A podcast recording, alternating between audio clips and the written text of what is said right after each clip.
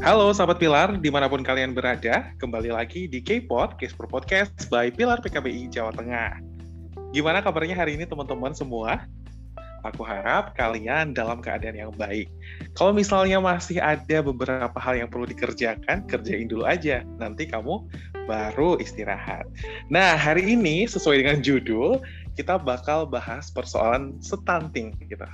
Dan kalau boleh kenalan dulu nih, perkenalkan aku Dede, dari media Pilar PKBI Jawa Tengah. Dan pastinya aku nggak sendiri karena ditemani oleh, halo siapa yang di sana?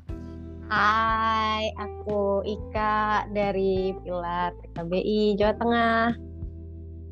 Halo Kak Ika, gimana kabarnya nih hari ini? Baik, Alhamdulillah. Alhamdulillah.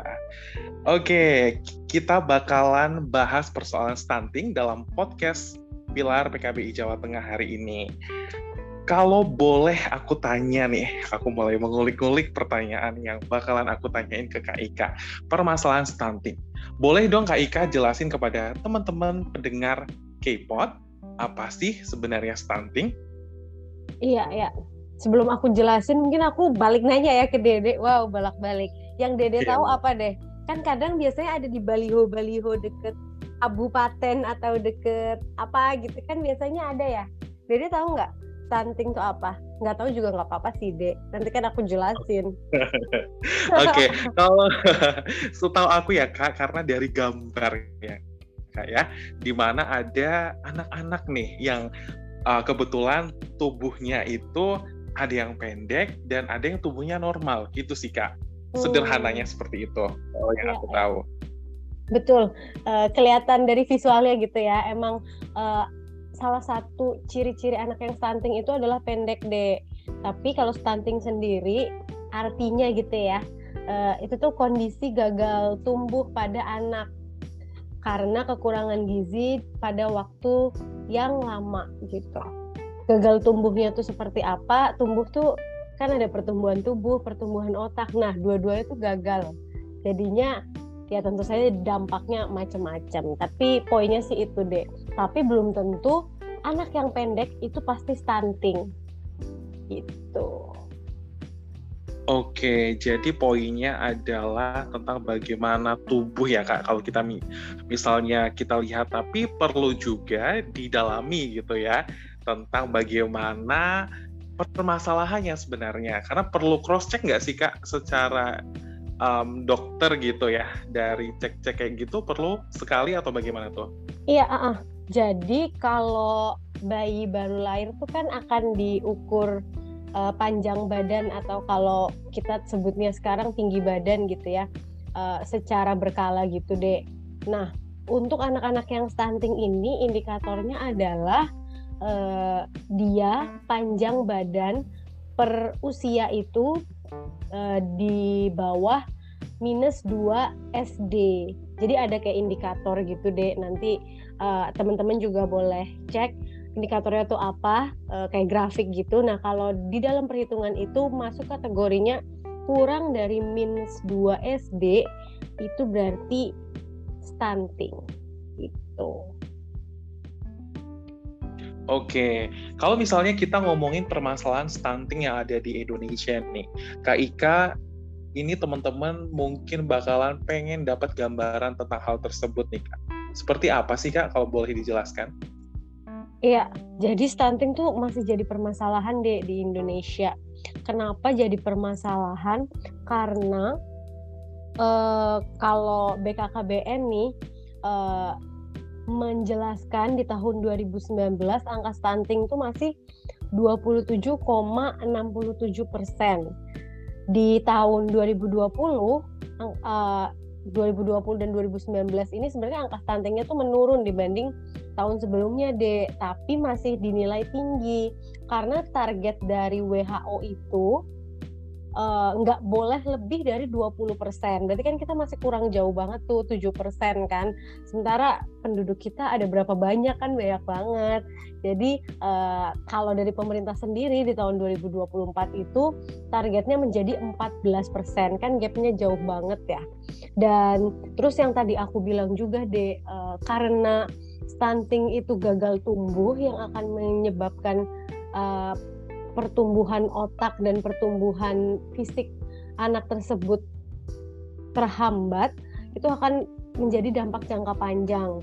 Dampak-dampaknya itu sebenarnya macam-macam deh, tapi salah satunya adalah uh, anak-anak yang stunting ini perkembangan otaknya itu tidak akan maksimal. Jadi untuk kemampuan berpikirnya tentu saja berbeda dengan anak-anak yang tidak stunting dan itu juga menjadi satu persoalan karena kalau kita bayangkan uh, saja gitu kalau semua nggak semua ya uh, banyak anak Indonesia dengan kemampuan berpikir yang di bawah rata-rata berarti kan nanti jangka panjangnya uh, Indonesia akan tertinggal dibanding negara-negara lain yang um, anak-anaknya tidak mengalami stunting gitu. Jadi sebenarnya ini investasi yang oke okay banget sih dari pemerintah gitu ya untuk uh, mencegah stunting tidak hanya dari ketika apa ya ibu sedang hamil atau bayi-bayinya sudah lahir tapi pasti pemerintah mikirnya jauh lebih ke belakang lagi. Salah satunya ke uh, bukan salah satunya tapi poinnya adalah ke remaja gitu. Karena kan kalau misalnya dari anak-anak anak baru lahir itu udah agak telat malah cenderung telat. Bu dari mulai ibunya hamil itu juga udah kayak ya hampir-hampir lah kalau misalnya itu bisa kekejar oke okay, berarti anaknya nanti eh, risiko stuntingnya lebih rendah tapi kalau nggak kekejar ya udah dia akan stunting. Makanya itu dari sebel jauh sebelum uh, ibu ini hamil dari sebelum uh, keluarga ini terbentuk yaitu dari masa-masa remaja. Kurang lebih gitu sih dek. Oke, dan kalau boleh aku jelasin juga tentang bagaimana kita ngomongin tentang apa ya stunting gitu ya. Dan yang jelas adalah kerjasama ya Kak Ika ya dari lintas sektor dan inisiatif-inisiatif masyarakat seperti itu. Namun inovasi pencegahan yang berdampak pada jangka panjang masih sangat dibutuhkan karena intervensi pencegahan stunting dapat dilakukan sejak dini nih, utamanya pada usia remaja. Benar banget yang dikatakan Kak Ika, apalagi mulai dari penerapan pola hidup sehat, terjaminnya kesehatan fisik dan psikis, serta tidak kalah penting adalah pemenuhan hak kesehatan seksual dan reproduksi pada remaja.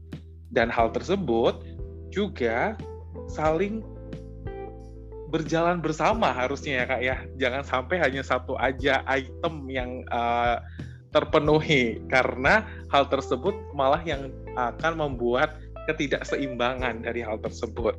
Nah, dari stunting sendiri nih Kak Ika, Ya. Ini penyebabnya itu apa sih kak? Secara uh, mungkin boleh dijelasin kepada teman-teman K-pop dan yang lainnya juga yang mendengarkan podcast ini.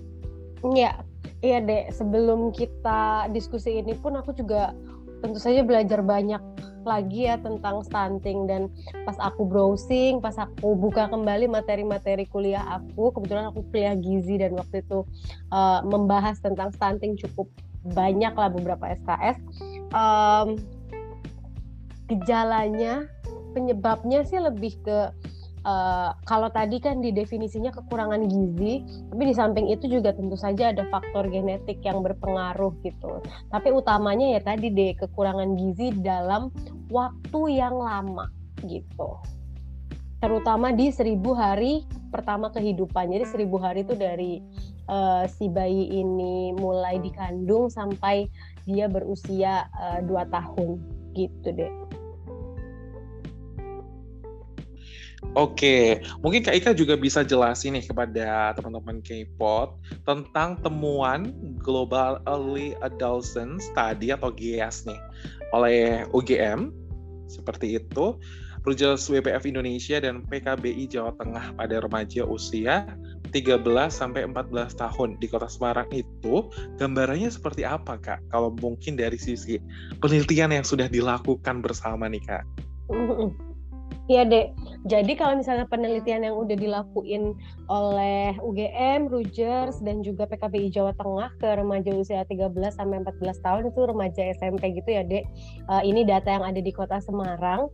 Uh, se sebenarnya 63% remaja tuh mengaku bahwa kondisi kesehatannya itu sangat atau cukup baik gitu. Cukup baik lah berarti kan itu lebih dari separuh yang merasa gitu ya bahwa kesehatannya itu baik. Tapi uh, di sisi lain banyak remaja perempuan yang uh, merasa memiliki badan yang terlalu gemuk serta hanya 2,1 persen remaja yang mengaku memiliki citra diri yang positif.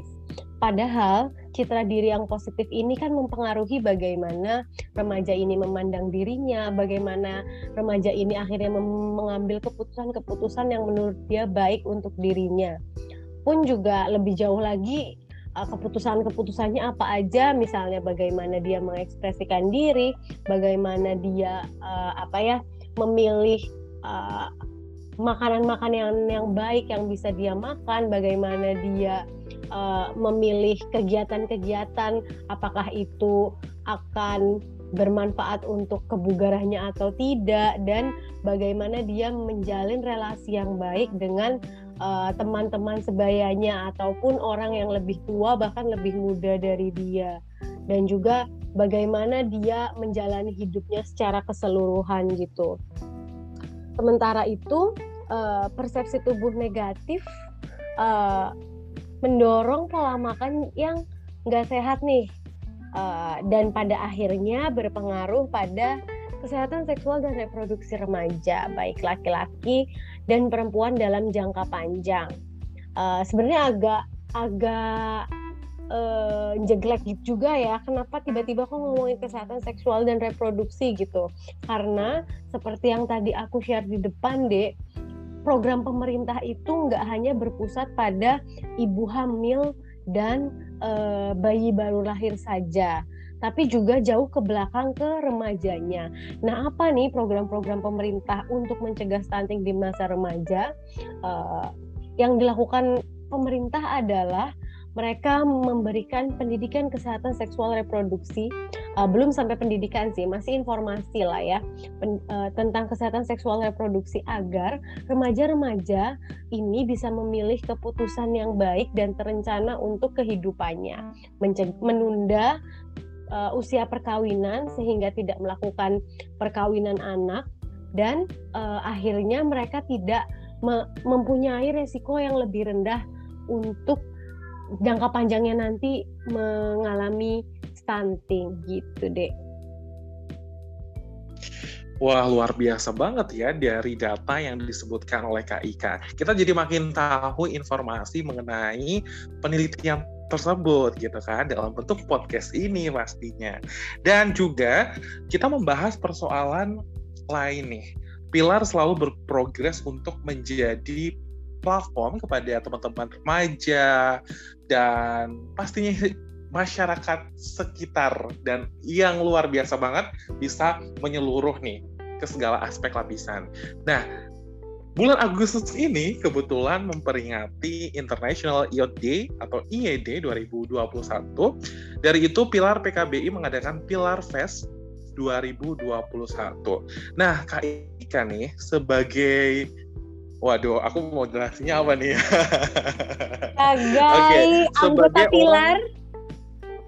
Oke, okay. sebagai orang yang lebih memahami tentang bagaimana proses tersebut nih, dalam hal tersebut boleh dong dijelasin kenapa akhirnya oke okay, tema besarnya ini it, ini nih tentang bagaimana youth innovation for human and planetary. Sorry, maksud aku adalah tentang transforming food system gitu.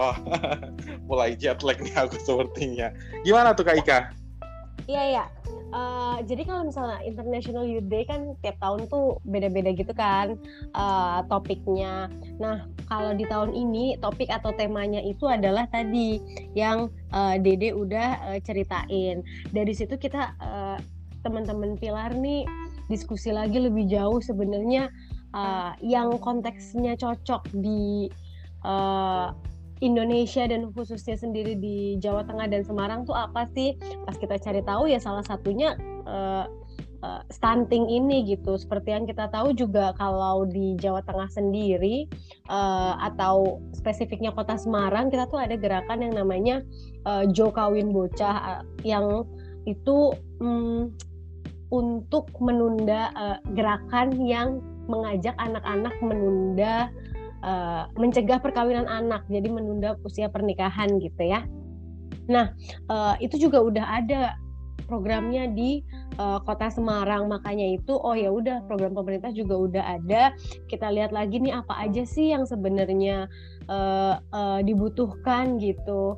Nah pas kita cari tahu juga melalui uh, mini survei yang kita lakukan belum banyak remaja yang tahu nih dan nggak nggak perlu tahu lah aware ya samalah aware dan tahu itu tentang stunting ini apa. Padahal uh, kayak yang tadi di awal udah dijelasin stunting itu dampak jangka pendek dan jangka panjangnya itu cukup mengerikan gitu. Makanya akhirnya kita berpikir oh ya udah kita bahas stunting tapi dengan um, cara dan dengan bahasan yang ringan gitu dan itu tentu saja masih dalam masuk uh, skema uh, tema besarnya International Youth Day. Makanya kita bikin sih Healthy Youth Investment. Hashtag yang mudah berinvestasi. Kenapa sih investment? Karena uh, pemerintah aja walaupun uh, penanganan programnya uh, sudah dilakukan, mereka juga jangka uh, menarik ke jauh gitu ke remajanya. Nah, kita yang remaja-remaja ini bisa melakukan apa ya udah kita melakukan investasi-investasi yang baik uh, untuk kesehatan secara komprehensif. Nah, investasinya tuh seperti apa sih buat kesehatan? Kita diskusikan lagi lebih jauh itu tuh uh, macam-macam gitu.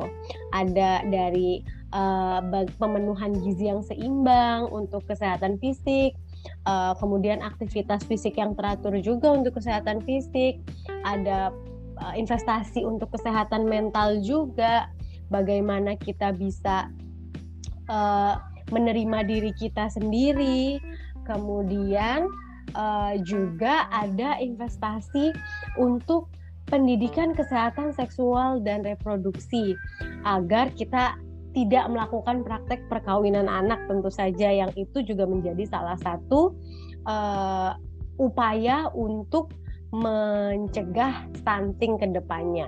Dan juga uh, di samping kesehatan-kesehatan tadi fisik, mental, kemudian seksual dan reproduksi, tentu saja itu semua juga dibalut dengan literasi finansial atau literasi keuangan uh, dari teman-teman muda nih agar ya informasinya sudah dapat, sudah paham bagaimana menjaga kesehatan fisik, mental, dan uh, seksual dan reproduksi, tapi juga punya literasi keuangan yang baik agar nanti ke depannya ketika sudah uh, misalnya bekerja, sudah mengelola uang sendiri, uh, faktor ekonomi bukan menjadi satu hambatan uh, yang berarti karena literasi keuangan teman-teman muda ini sudah terbangun nih dari uh, masa remaja. Kurang lebih seperti itu sih dek, kayak kepanjangan tapi semoga ini menjadi satu gambaran gitu ya untuk kegiatan kita uh, besok. Iya, betul banget. Dan teman-teman mungkin udah mantau ya, memantau Instagram Pilar yaitu @pilar underscore PKBI. Informasi dari awal Agustus sampai pertengahan nih ya, sudah semakin gencar banget karena kita bakalan mengadakan acara ini tepat di tanggal 14 Agustus 2021. Nah, harapannya teman-teman semua bisa mengikuti karena kita bakalan live langsung dari Zoom serta YouTube. Jadi misalnya teman-teman mendengarkan podcast ini setelah tanggal 14 Agustus, bisa langsung cek uh, di YouTube ya karena kita mengabadikannya via platform online kita seperti itu. Biar apa sih? Biar informasinya semakin tersebar luas seperti itu. Dan juga nih Kak Ika, kita ngomongin tentang stunting. Tadi Kak Ika sempat spill bagaimana peran uh, laki-laki uh, dan perempuan ketika pengen akhirnya memutuskan apa ya menikah gitu kan.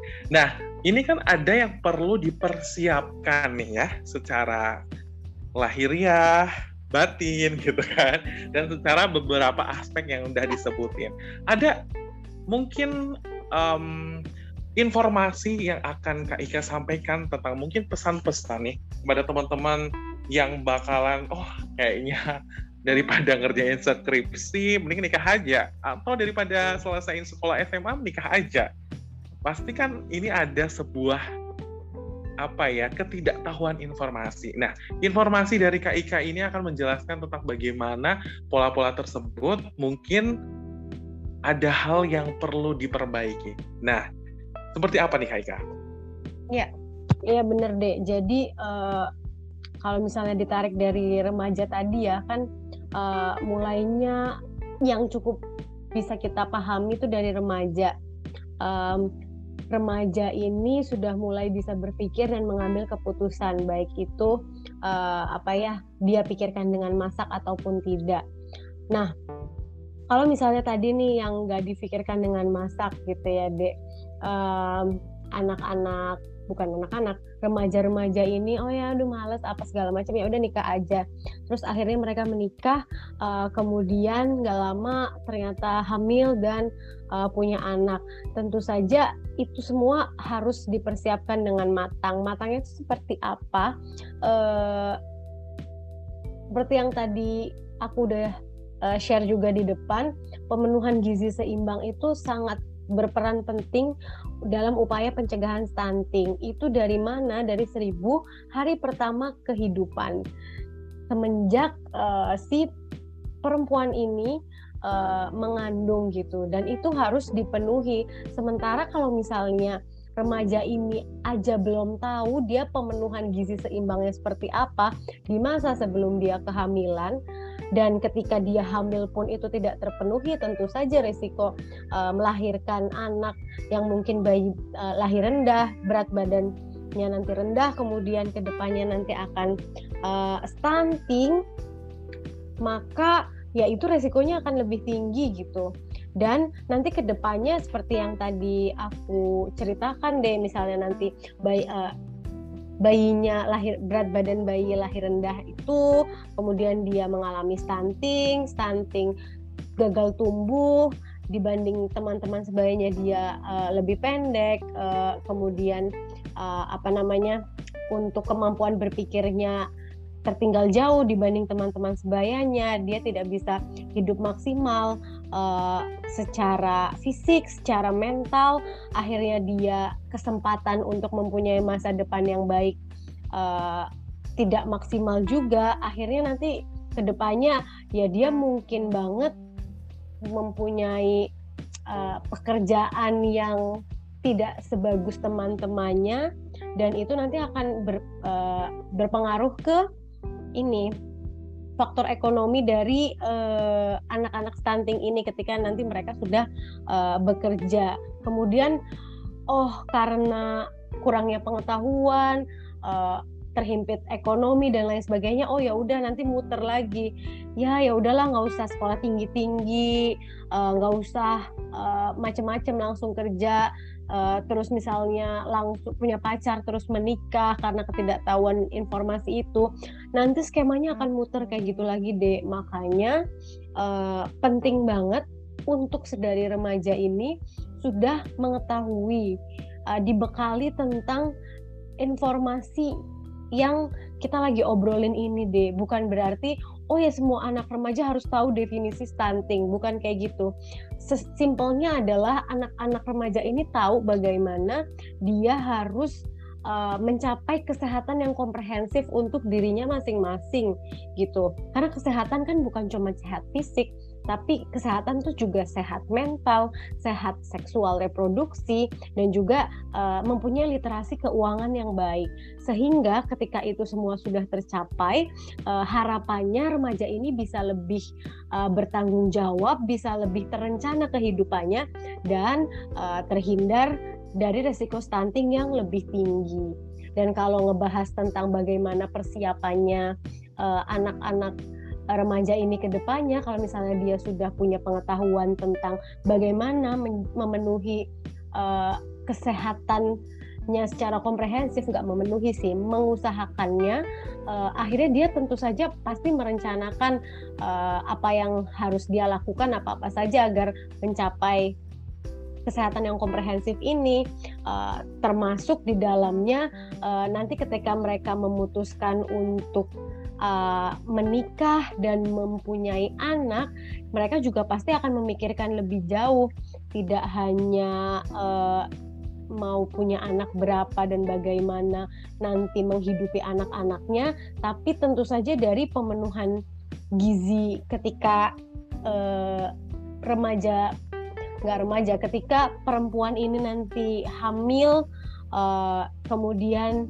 bagaimana support system dari perempuan ini? Tentu saja kalau di lingkungan keluarga uh, ada si ibu ada si ayahnya juga gitu. Jadi uh, bagaimana dukungan si suami ini uh, terhadap istri ketika proses kehamilan kelahirkan nifas dan pengasuhan anak serta uh, juga uh, pengaruh apa ya support system dari suami dan juga keputusan suami uh, terhadap jumlah serta jarak kelahiran anak uh, kurang lebih seperti itu sih. Jadi kalau dari sisi perempuannya kenapa dari remaja harus sudah memahami karena dia yang nanti akan menjadi ibu yang akan lebih banyak terdampak jika dia tidak mengetahui informasi-informasi ini dan tidak tahu bagaimana menjaga dirinya dan memenuhi kebutuhan dirinya dengan baik, dia akan punya resiko yang lebih berat gitu.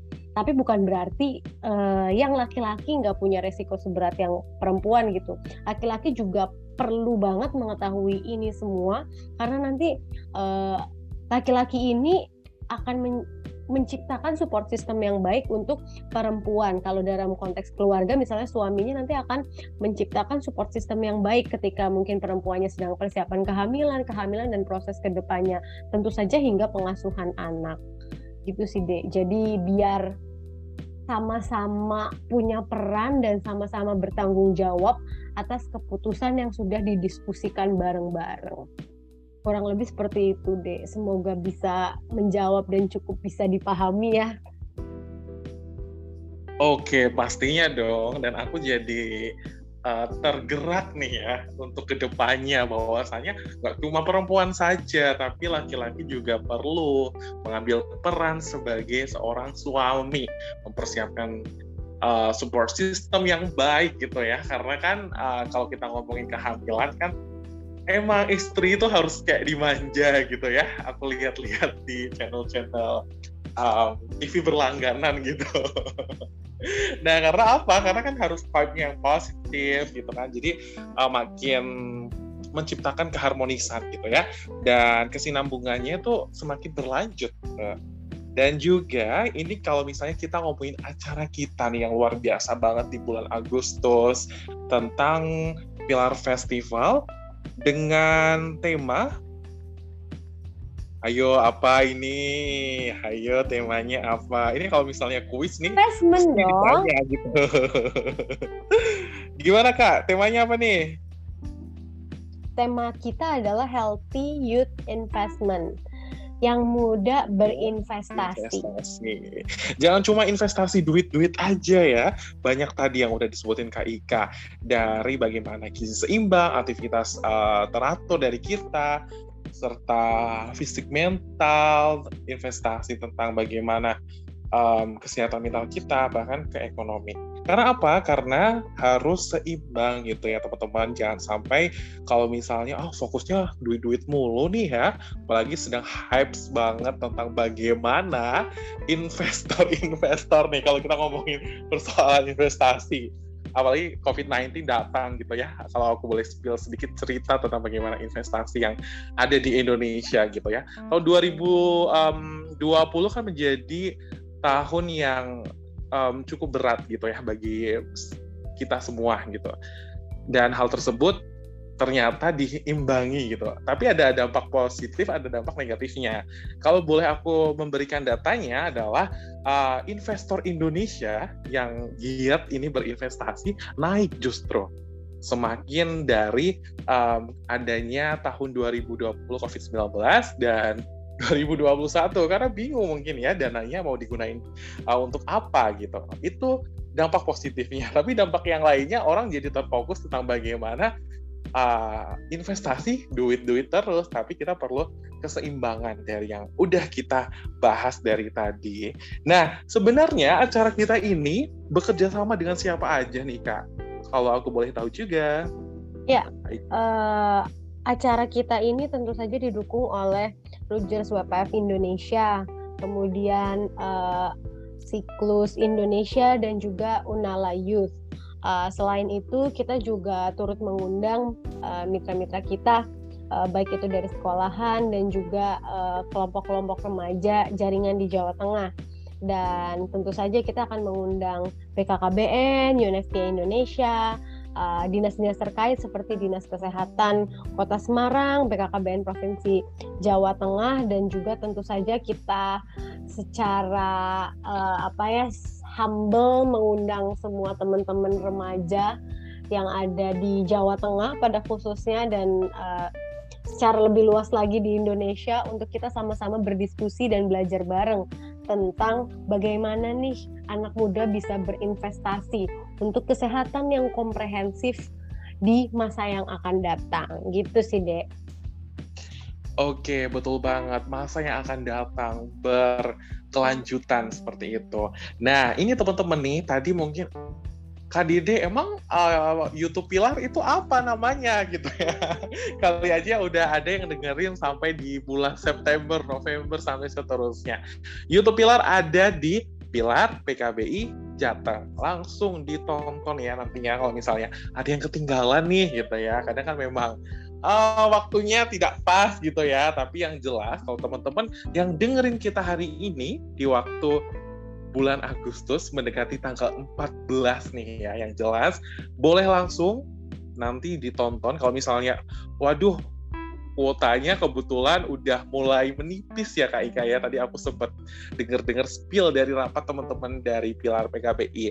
Bisa banget nonton di YouTube-nya gitu ya sambil mungkin uh, waktu senggang gitu ataupun bisa banget diajak orang-orang terdekatnya. Jadi informasinya semakin uh, mengalir dan menyeluruh seperti itu. Sebenarnya kan kalau bukan kita siapa lagi gitu ya yang bisa menggerakkan tentang bagaimana stunting ini bisa menjadi informasi yang bisa berkembang seperti itu. Jadi nggak cuma orang-orang gizi aja nih kayak Kak Ika yang tahu tentang stunting. Kak, kalau aku boleh tanya nih tentang stunting nih, mungkin lebih kepada bagaimana um, prosesnya. Sebenarnya edukasi yang pas untuk stunting itu seperti apa kak? Sebagai kak Ikan nih dari sudut pandang seorang sarjana uh, gizi gitu ya, edukasi sebenarnya yang pas untuk masalah seperti ini dan beberapa masalah yang mungkin buk, mungkin nyebutnya bisa masalah dan informasi ya tentang bagaimana edukasi yang bisa disampaikan ke teman-teman. Seperti apa sih gambarannya sebenarnya yang pas? Ya, uh, edukasi yang pas tuh gimana? Uh, karena tadi konteksnya stunting ya, dek kan itu pemenuhan gizi seimbang. Jadi tentu saja kita harus mengedukasi uh, ibu hamil, kemudian kalau konteksnya remaja ya ke remaja tentang bagaimana pemenuhan uh, gizinya. Uh, mereka harus tahu dulu dong kalau pemenuhan gizi kan berarti harus tahu kebutuhan gizinya itu seperti apa hariannya tuh berapa banyak. Kemudian uh, baru turun lagi oh karena kebutuhan aku uh, hariannya misalnya uh, sekitar 1.500 sampai 1.800 gitu katakanlah. Oh ya berarti aku harus makannya berapa banyak uh, se sedetail itu gitu, seteknis itu nggak hanya ya teman-teman harus tahu tentang stunting. Stunting itu gini gini gini udah sampai situ doang. Itu ya hanya akan jadi angin lalu terutama kalau buat teman-teman remaja. Akan lebih enak kalau misalnya teman-teman remaja ini uh, dibekali informasi yang benar-benar bisa langsung dipraktekkan uh, nih. Apalagi di masa uh, digital sekarang kan kita bisa banget dapat banyak informasi dari uh, sosial media yang tentu saja informasinya terpercaya salah satunya dari uh, pilar PKBI gitu ya jadi bisa juga cek-cek informasi uh, tentang kesehatan yang kita share juga di pilar karena itu uh, cukup bisa langsung diimplementasikan dan bahasanya tentu saja yang uh, mudah dipahami oleh remaja. Selain itu, uh, kalau misalnya ke remaja sendiri uh, tidak hanya pemenuhan gizinya aja, tapi juga bagaimana remaja ini diimbangi dengan aktivitas fisik yang teratur dan juga bagaimana remaja bisa menjaga kesehatan mentalnya dengan baik gitu. Kenapa? Oh, oh iya, ya. silakan kak. Iya, ya, boleh boleh. Uh, gimana deh? Iya, berarti uh, fokusnya adalah tentang bagaimana. Aku jujur nih ya Kak Ika, kalau boleh cerita sedikit tentang kita ngomongin bagaimana tahu porsi gitu ya. Sebenarnya aku masih um, ter apa ya, belum teredukasi dengan baik tentang bagaimana aksesnya sebenarnya seperti apa gitu ya. Nah dari itu sebenarnya aku waktu itu waktu kebetulan aku pernah kayak magang gitu kan dan itu kayak terafiliasi dengan puskesmas gitu. Ternyata mudah banget gitu kan dari yang aku nggak tahu bagaimana. Aduh kayaknya aku takut dikatain aku mungkin kurusan apa aku kegendutan gitu ya. Nah dari situ um, ternyata teman-teman nih ketika kita akses ke puskesmas yang ternyata deket dari kita itu orang-orangnya itu apa ya lebih menggerakkan kita gitu loh untuk informasi mengenai benar banget kata Kak Ika gizi seimbang uh, kebutuhan um, apa ya kebutuhan makanan yang harusnya kita cukupi itu seperti apa gitu kan. Nah pola-pola seperti itu yang tadinya mungkin dari aku yang nggak tahu dan takut ya apalagi kita ngomongin uh, masa pandemi seperti sekarang ini. Biasanya di beberapa podcast mas yang mulai um, terintegrasi secara online gitu kan, itu mereka mulai membuka informasi secara luas gitu kan, secara online. Bahkan kita bisa chit chat gitu ya dengan para uh, nyebutnya apa nih Kak Ika? Aku belum tahu nih kalau misalnya seorang ah ahli gizi ya Kak ya. Benar nggak ya, tuh? Iya. Iya bisa ahli gizi, bisa tenaga promkes di puskesmas, bisa juga mungkin apa bidan atau perawat yang bertugas di puskesmas itu juga bisa sih gitu ya. Tapi kebetulan kalau di tempat aku ada nih seorang ahli gizi dan bisa menyampaikan informasi dengan baik. Kan biasanya tuh kalau misalnya teman-teman yang apa ya yang kayak aku lah mungkin ya cukup berisi gitu kan. Kita kan agak worry ya. Aduh kira-kira pas nggak ya kita timbang? Kira-kira orangnya safe tentang informasi kita nggak ya? Nah itu sebenarnya ada kode etiknya mungkin ya kak Ika ya tentang bagaimana informasi kita bisa safety gitu ya. Dan biar nggak apa-apa was-was gitu kan. Karena kalau misalnya permasalahan aku sebagai orang yang kebanyakan uh, BB gitu ya.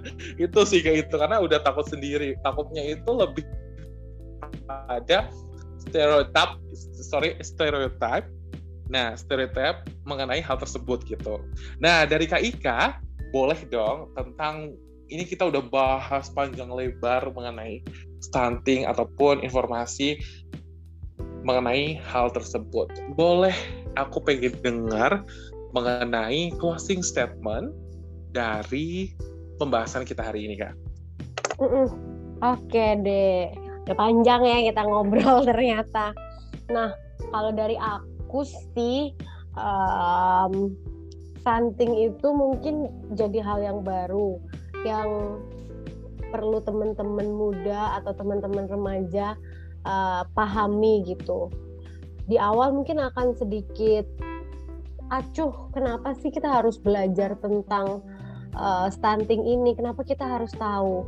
Tapi uh, just keep in mind bahwa ketika kita berinvestasi dari masa-masa remaja ini untuk mencegah stunting, kita itu menyelamatkan masa depan bangsa karena kita mencegah bangsa kita ini nanti punya remaja-remaja punya uh, apa ya generasi penerus yang uh, mentalnya, yang fisiknya, yang pertumbuhan otaknya itu terhambat gitu. Dan itu bisa langsung dimulai dari masa remaja, berinvestasi kepada kesehatan yang komprehensif di masa remaja.